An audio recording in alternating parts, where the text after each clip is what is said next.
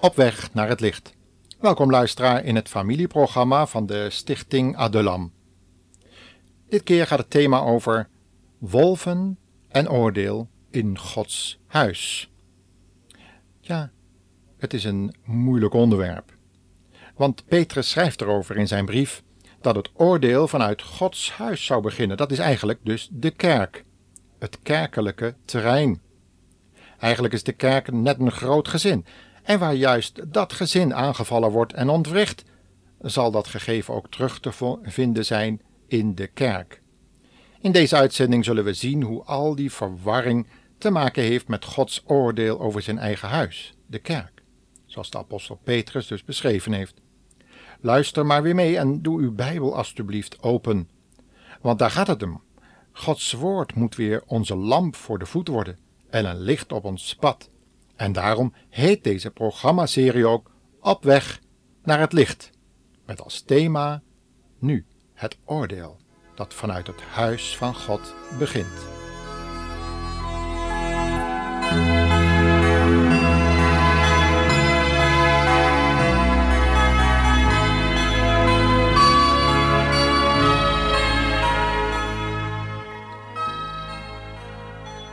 Wat moet de apostel Petrus bedroefd en geschokt zijn geweest toen hij zijn eerste brief aan de door vervolging verstrooide gelovigen in Pontus, Galatië, Cappadocië en Azië en Bithynië schreef.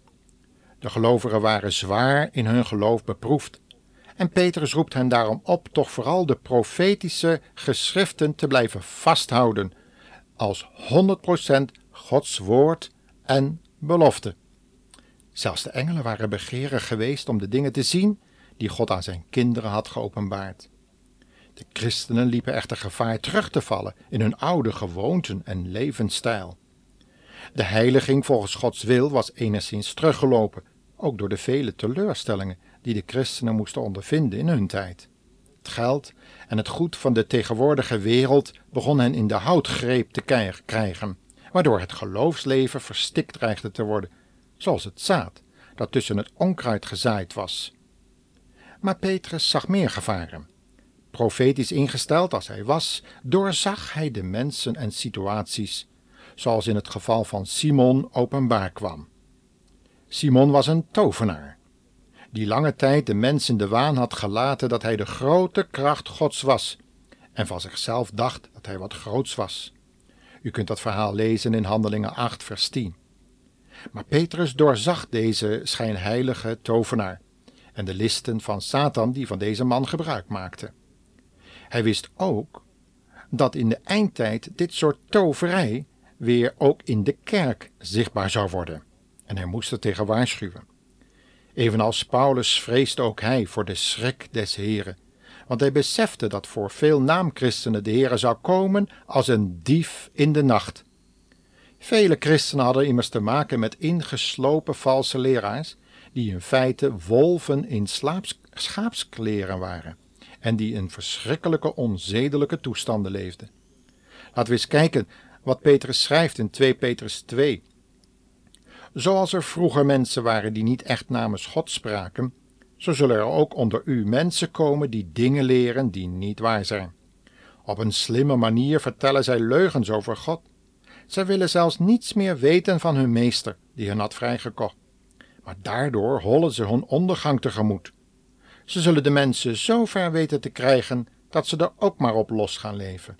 En het is hun schuld dat het leven met Christus belachelijk wordt gemaakt. Deze zogenaamde leraars zijn zo hebzuchtig dat ze u van alles zullen wijsmaken, om maar geld van u los te krijgen. Maar God heeft hen al veroordeeld en hun straf zal niet lang op zich laten wachten.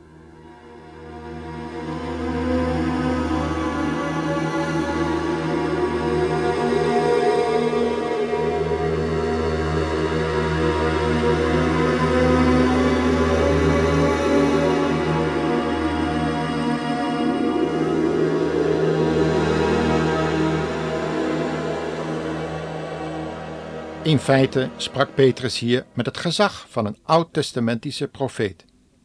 Maar ik wil hiervan de gelegenheid gebruik maken om een duidelijk verschil aan te geven tussen de profeet in het Oude Testament en die van het Nieuwe, de tegenwoordige bedeling.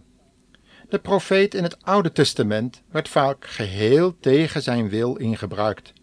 En soms riep zo'n godsman de Heere God zelfs ter verantwoording en wenste hij zijn eigen dood, hoe begrijpelijk en menselijk dat ook kon zijn. Maar het is beslist niet de houding van een profeet uit onze bedeling. Nooit zal een profeet van deze bedeling God ter verantwoording durven roepen, of zelfs zijn eigen dood vragen.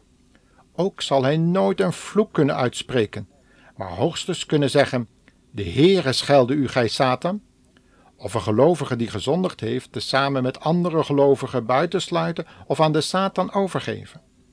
Iemand die zich meer aanmatigt, laat zich door een verkeerde geest leiden, zoals Johannes dat deed toen hij vuur uit de hemel wilde laten regelen over onwillige Samaritanen.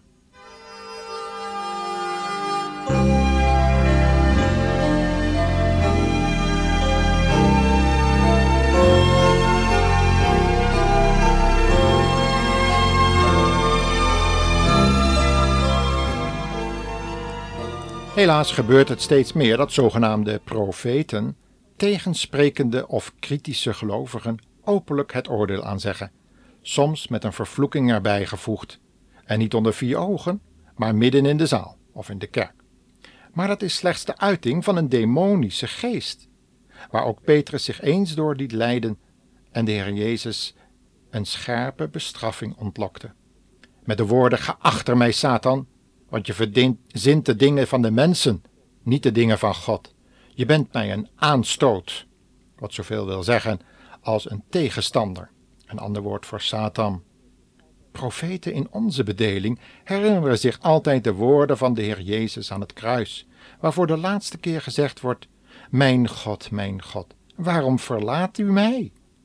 Na deze woorden van de Zoon van God mag niemand meer zeggen dat hij door God verlaten wordt want dat gebeurde eenmaal, eens en voor altijd op het kruis, om u en mij te verzekeren dat de weg naar de hemel sindsdien open is. En dat voor iedere zondaar die zich bekeert. Ja, eenmaal zal er nog een keer een Godverlating komen. En dat is wanneer u niet bekeert en u in die toestand komt te sterven, of voor de grote witte troon komt te staan, en daar het oordeel over alle wandaden hoort uitspreken en u verwezen wordt naar de eeuwige verdoemenis, de hel, de poel die van vuur en zilver brandt. Ik weet het, tegenwoordig mag je zoiets niet meer zeggen, want de moderne theologen die geloven niet meer in een hel. Die geloven in de yin en de yang, dat het, de hel zelfs het tegenbeeld is van de hemel en dat in evenwicht houdt. Ja, zo kunnen we de hele Bijbel wel veranderen. Maar wij willen vasthouden aan het woord van God, ook al worden we soms fundamentalisten genoemd. Maar nu terug naar wat Petrus zo bedroefd moet hebben. In 1 Petrus 4, vers 17 wordt er geschreven over het huis van God, zoals christenen samen genoemd worden. De tijd van Gods oordeel is gekomen en het begint bij de christenen, het huis Gods. Als wij door Hem geoordeeld worden, wat een verschrikkelijk lot staat de mensen dan te wachten die het goede nieuws van God niet willen aannemen. Als de rechtvaardigen maar nauwelijks worden gered, ja, hoe moet het dan zijn met de mensen die zich niets van God aantrekken en er maar op losleven?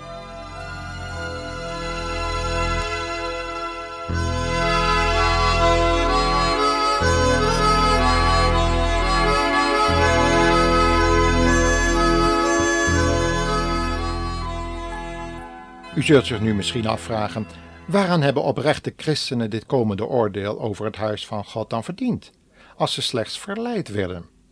Maar vergeet niet dat God hier zijn huis ziet zoals Jezus de tempel van Herodes zag. Geen van beide voorstellingen van Gods huis was de plaats waar God de Vader en de Zoon blijvend konden wonen. Gods werkelijke woonplaats is immers in de hemel en in het hart en leven van gelovigen die verbroken harten hebben zich voor God hebben vernederd en zuchten en wenen vanwege de gruwelen die ze om zich heen zien en bedroefd zijn om der bijeenkomst wil. U kunt dat vinden in Ezekiel 9 vers 4 en Zephania 3 vers 17 en 18. Leest u het er maar op na. Waar het om gaat is dat Petrus ook ons wil oproepen tot heiligmaking, zoals Paulus het deed met de woorden uit 1 Thessalonicensen 4 vers 3, waar hij zegt: God wil namelijk dat u hem helemaal toebehoort en dat u zich verhoudt van elke vorm van ontucht. Ieder van u moet zijn lichaam beheersen, zodat het niet onteerd wordt, maar aan God toebehoort. Laat u niet overweldigen door uw hartstochten en begeerten, zoals gebeurt door mensen die God niet kennen. Vergrijp u niet aan de vrouw van een ander, waardoor u uw broeder bedriegt. We hebben u gewaarschuwd dat als u zulke dingen doet, de Heer u daarvoor zal straffen. God heeft ons opgeroepen om zuiver voor Hem te leven en niet om ons met allerlei onzuiverheid in te laten. Wie dit afwijst, is niet ongehoorzaam aan mensen, maar aan God, die ons zijn Heilige Geest geeft.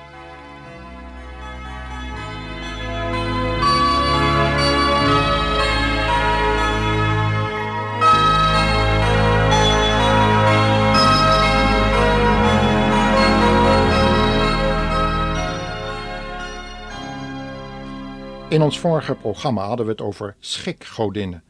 Maar er zijn ook lustgodinnen. Juist in verband met wat we zojuist gelezen hebben over die valse profeet in het huis van God, is het erg belangrijk om deze lustgodinnen af te wijzen. En als er al iets is van hen in ons huis te vinden, het zij via video of allerlei lectuur, laten we ze dan onmiddellijk als christenen wegdoen en het beleiden dat we zolang deze lustgodinnen hebben gediend of zelfs in huis hebben gehad. We moeten als christenen ophouden om tijd en geld te offeren aan die godin Venus, die zo dikwijls via onze beeldgod de tv de huizen binnensluipt. Lees daar alstublieft nog eens 2 Timotheus 3, vers 6 tot 9 op na. Maar ook de godin Asjera, de vrouwelijke helft van de afgod Baal, die de natuurverering en de mannelijke perversiteit voorstelt, heeft al heel wat slachtoffers onder christenen geteld evenals de, godinnen, de goden Remvan en Astarte, die de zielenkrachten van de mensen onder demonische inspiratie weten los te maken, zodat de mensheid denkt God helemaal niet meer nodig te hebben. Ach, beste luisteraar, laten we toch alstublieft al deze leringen van demonen afwijzen, die zo ongemerkt onze huiskamer binnensluipt. Luisteraar, we zijn aan het einde gekomen van deze speciale serie programma's over afgoderij, toverij en de jacht naar succes van het broodchristendom. Het antwoord op deze programma's is nu aan u. Josia, de opvolger van Mozes, antwoordde het zo: Kies nu heden wie gij dienen zult. Ik en mijn huis, wij zullen de Heere dienen. En wat doet u, beste luisteraar? God zegen u.